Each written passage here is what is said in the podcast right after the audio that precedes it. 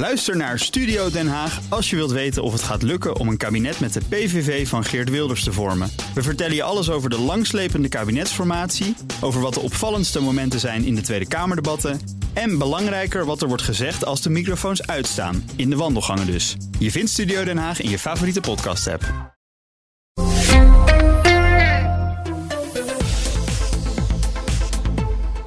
Dag een blik op de wereld. En die komt van onze Europa-verslaggever Geert-Jan Haan. Geert-Jan, goedemiddag. Ik verwacht eigenlijk van jou ook wel iets eh, op rijm.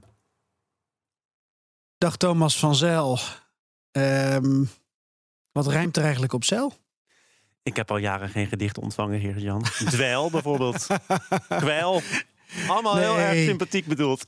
We gaan het over Nee. andere dingen hebben. Ik heb gisteravond wel mijn schoen mogen zetten. Eh, eh, zonder gedicht, kan je nagaan. Ik kreeg drie pepernoten. Wij gaan het over andere dingen van eh, gisteravond en vannacht hebben. Namelijk eh, drone-aanvallen eh, in Rusland, Oekraïne. Wie bestookt wie of bestoken ze elkaar? Ze bestoken elkaar. Rusland maakt vooral melding van Oekraïnse aanvallen op de Krim. Dat daar massale drone-aanvallen zouden zijn geweest. Er is weinig bekend of naar buiten gebracht over de eventuele schade.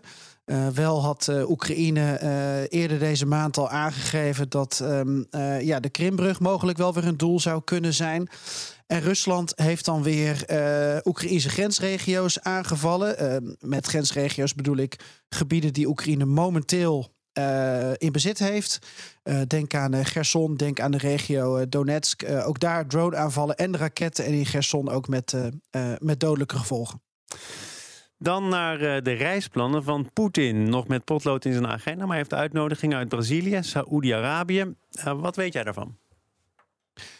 Nou, dat zijn reis naar eh Saoedi-Arabië en de Verenigde Arabische Emiraten voor komende week op het programma zou staan. Een werkbezoek. Vrij bijzonder, want Poetin reist niet zoveel. Is ja, buiten, buiten zijn eigen huis, vooral in Centraal-Aziatische landen geweest en in China. En het heeft natuurlijk ook te maken met dat als hij eh, in bepaalde landen komt, die zich hebben gecommitteerd aan de afspraken van het internationaal strafhof, dat hij ehm, kan of moet worden gearresteerd. Dat geldt niet voor Saoedi-Arabië en de Verenigde Arabische Emiraten. Eh, daar gaat hij dan eh, naartoe als ja, OPEC-partner. Ik denk dat energie hoog op de agenda staat. Misschien ook wel de oorlog ehm, eh, tussen Israël en Hamas.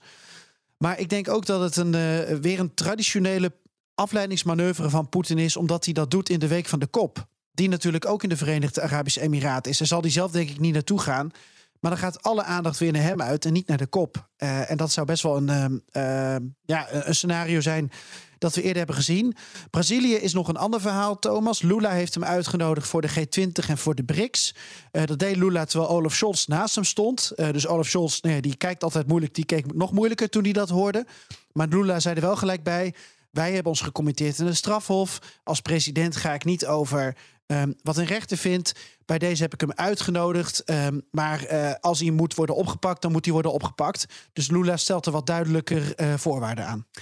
Nog even over die G20. En dan moet ik meteen Wopke Hoekstra noemen, die ik eh, in dit verband eerder zou associëren met eh COP28. Eh, maar jij hebt hem gesproken over die G20, Geert-Jan.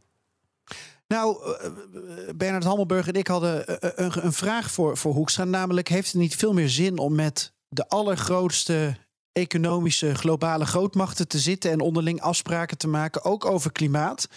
Ehm, denk aan eh, eh, nou, alles wat er dus op de kop gebeurt. Want daar gebeurt het met 193 lidstaten. Is dat niet veel handiger? En dit is wat hij zei.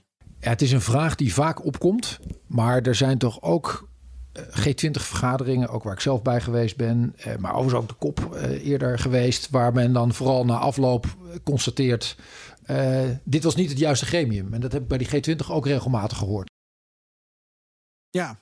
Nou, Thomas, hij verwees ook nog naar de top in India, de G20-top, waar volgens hem dan weer vrij weinig voortgang was geboekt op, op klimaat.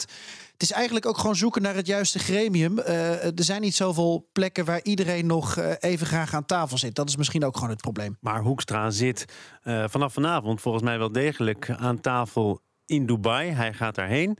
Ehm, met welk voorgevoel? Nou, niet heel, eh, heel positief was hij eigenlijk. Eh, hij eh, vliegt vanavond en heeft dan een rustdag. En ik geloof dat vanaf vrijdag echte onderhandelingen beginnen. En als eurocommissaris voor Klimaat heeft hij het EU-mandaat voor 450 miljoen Europeanen. Dus uh, nou, we legden wat extra druk op zijn schouders. En ja, hij leek in het hele interview dat we gisteren hadden de verwachtingen te willen downplayen. Er komen nu wel conceptverklaringen naar buiten over het slot um, uh, van, de, uh, van de kop. Um, het spannendste is misschien wel of het uitfaseren van fossiel op een of andere manier die verklaring gaat halen. Een ambitie daarvoor. Hij zegt dat hij zelf een intimiderende boodschappenlijst heeft. Um, want hij wil ook dat er eigenlijk op zes punten succes wordt geboekt. En als dat allemaal is gebeurd en het is allemaal van, van elkaar afhankelijk, zegt Hoekstra, dan pas kan de vlag uit. Dus um, ja, hij legt zichzelf uh, veel druk op. Uh, ik heb hem nog extra druk opgelegd met zijn vragen. en nu is het de vraag uh, of hij um, alle andere grote vervuilers op de wereld met zijn enorm hoge EU-lat ja, kan meekrijgen. Maar bij een beetje onderhandelen hoort toch ook dat je zes punten presenteert bij binnenkomst en tevreden bent als je er met drie in je tas vertrekt. Nou, uh, daarom heeft hij er eigenlijk al twee uh, gepresenteerd voordat hij daar binnenkomt, Thomas. dus uh, over het Klimaatschadefonds hebben ze afspraken gemaakt. En waarschijnlijk ook over de verdrievoudiging van hernieuwbare energie. Um, maar goed, als je dan geen afspraken maakt over het uitfaseren van fossiele brandstof dan snap ik wel dat Hoekstra denkt van ja, dan heb ik dus eigenlijk het allergrootste probleem volgens de wetenschap niet aangepakt. Want je kunt landen die dreigen te zinken, denk aan een Tuvalu, wel geld geven.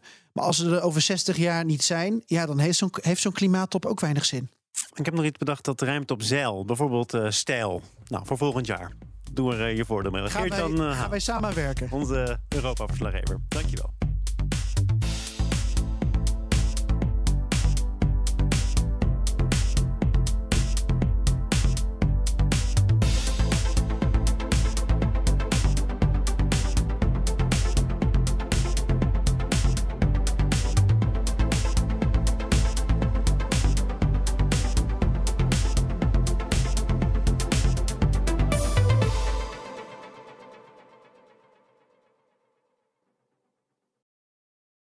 Ook Hugo Reitsma vind je in de BNR-app. Superhandig die BNR-app. Je kunt alle programma's live luisteren, breaking nieuwsmeldingen. Je blijft op de hoogte van het laatste zakelijke nieuws. En je vindt er alle BNR-podcasts, waaronder natuurlijk de belangrijkste, Boeken zijn in de wijk.